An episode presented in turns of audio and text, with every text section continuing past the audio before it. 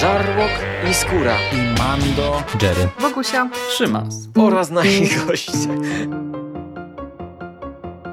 Konglomerat podcastowy. Wasze ulubione podcasty w jednym miejscu.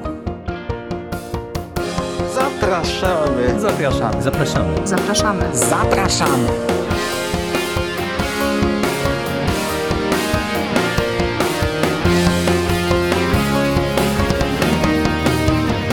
Witam w konglomeracie podcastowym, czyli na platformie, która zbiera wszystkie Wasze ulubione podcasty w jednym miejscu.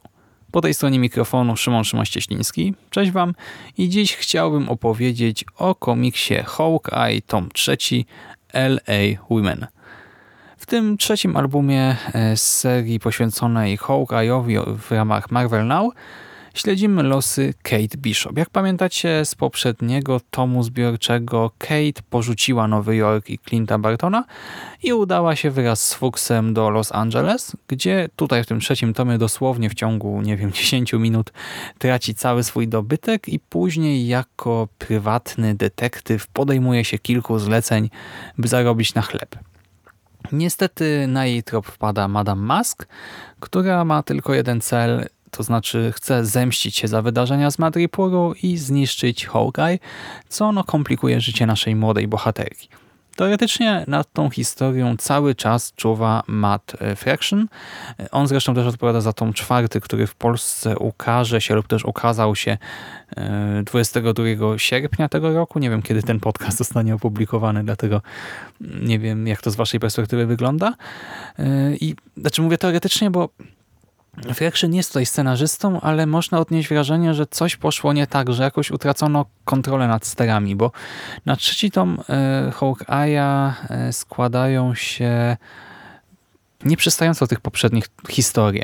Mamy tutaj Annual z rysunkami Javiera Pulido, który przedstawia nam przyjazd Kate do Kalifornii i pierwsze ponowne spotkanie z Madame Mask oraz zeszyty 14, 16, 18 i 20 tej solowej serii Hawkeye z rysunkami Annie Wu i te zeszyty pokazują jak Kate próbuje odbić się od dna, zarobić na życie, jednocześnie sprawdzić się jako prywatny detektyw, w praktyce jako superbohaterka z sąsiedztwa. Dlaczego mówię, że nie wszystko tutaj gra? Niestety Kate, nasza dziewczyna, nie posiada żadnych supermocy, nie jest szczególnie silna, zwinna czy szybka, a do tego pewność siebie i e, taki zupełny brak rozwagi regularnie pakują ją w tarapaty.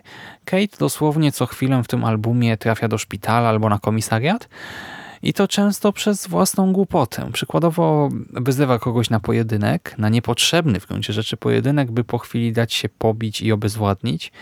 W innej sekwencji zdarzeń robi zdjęcia z ukrycia, ale w taki sposób, że oczywiście zostaje natychmiast wykryta. I wprawdzie, jak spojrzymy na tę historię jako pewną całość, to ostatecznie udaje jej się rozwikłać e, jakąś tam zagadkę i dopaść grub, grubszą rybę. Zresztą przez to nawet sprawą interesują się agenci tarczy. Jednak i to zwycięstwo jest pozorne i ostatecznie obraca się w porażkę. Wprawdzie Kate wynosi z tego jakąś naukę, ale to nadal no, absolutnie nie jest zwycięstwo. I troszkę mi to przeszkadzało, bo Rozumiem, co e, chciał twórca tutaj osiągnąć. O co chodziło Matowi e, Fractionowi. Wiem, że chciał, znaczy wiem, no domyślam się, także Kate miała być parodią stereotypowej, silnej i niezależnej kobiety. Znaczy stereotypowej, może też wyidealizowanej w pewien sposób. Taka ostatecznie jest dziewczyną, która chce, bardzo chce, ale niekoniecznie sobie radzi. Jest młoda, zbyt młoda, zbyt porywcza, zbyt empatyczna to wszystko jej przeszkadza.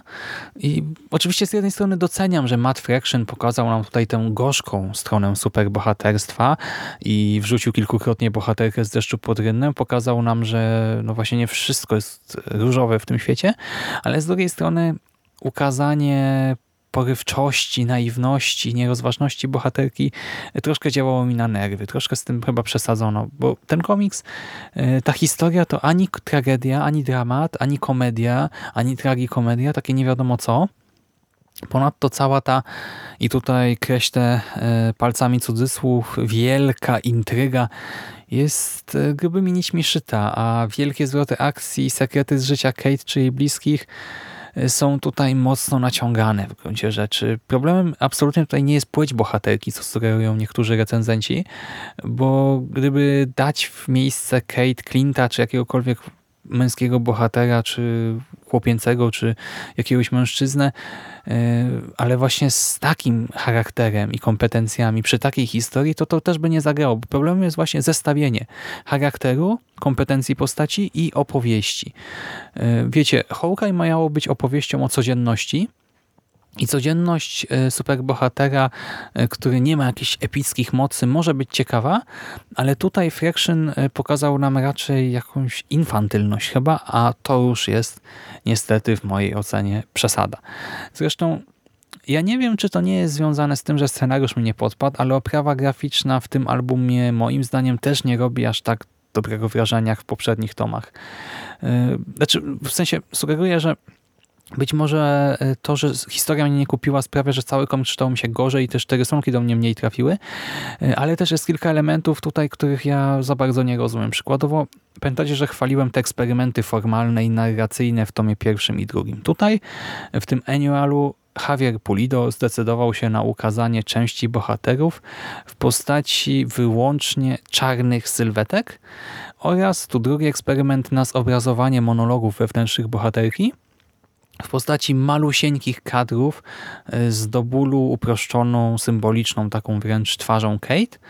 E, I to wszystko jest oczywiście pewnym urozmaiceniem, ale absolutnie mnie nie urzekło, bo ta uproszczona buźka Kate, no to, to, to jest brzydkie zwyczajnie i nie widzę w tym żadnej większej wartości, a te, e, ten drugi zabieg, tutaj mam problem z tym, że nie widzę logiki w fakcie, e, kiedy dana postać jest rysowana tradycyjnie, a kiedy pozostaje czarną sylwetką.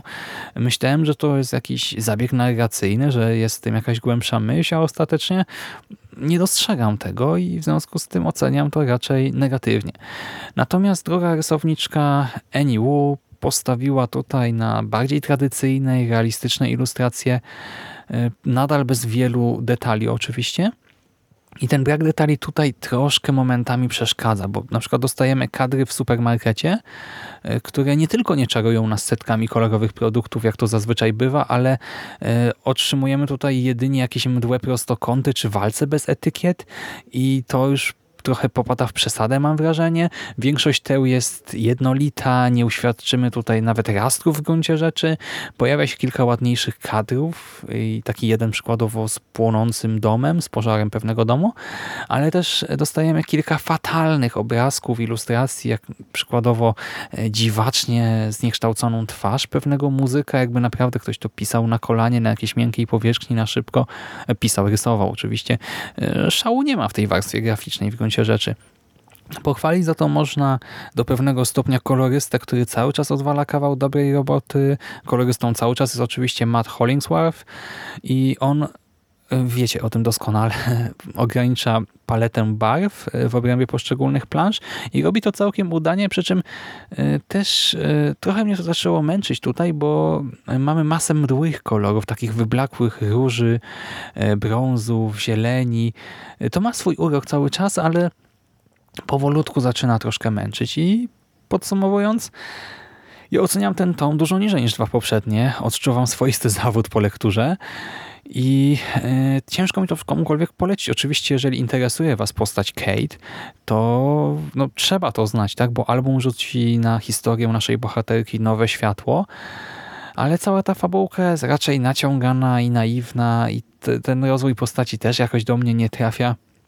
E, przy czym Powtórzę tylko, że problemem nie jest płeć bohaterki, czy nawet jej wiek, tylko to, jak została napisana. Tak? Jeżeli dostaniemy komiks na tym samym poziomie o Iron Manie, e, na przykład o Tonem Starku, no to nie będziemy mówili nagle, że trzeba usunąć Ironmana, tak Tonego, czy męskich bohaterów, czy z dotychczasowych bohaterów e, z komiksów, bo tutaj takie głosy się pojawiały, że oho, ho, eksperyment Marvela się nie powiódł, także ta feminizacja bohaterów jest bez sensu, bo, bo Kate właśnie jest nie najlepszą bohaterką tutaj akurat w tych pięciu zeszytach, no, no, no jest nie najlepszą i tyle. No. Trzeba o tym mówić głośno, ale to nie znaczy nagle, że o Marvel upada, czy że o eksperyment się nie powiódł. Bo moim zdaniem e, ta właśnie zabawa e, z konwencją, e, z bohaterami, z bohaterkami, te wszystkie zmiany, no to, to, to są ważne eksperymenty. Tak popkultura opiera się na powtórzeniu z różnicą, na tym, żeby e, z jednej strony opowiadać podobne historie, ale jednak zmieniać w nich cały czas jakieś elementy i ja jestem za tym. Tutaj po prostu scenariusz moim zdaniem zawiódł, e, a i warstwa graficzna niekoniecznie mnie porwała, tak jak w tych poprzednich e, albumach. I tyle no.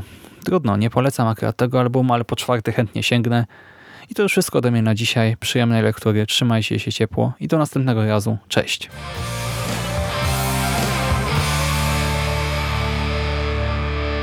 You finished? That's it, man. Game over, man. Fuck are we gonna do now? What are we gonna do? It's over. Nothing is over! Nothing! You just don't turn it off!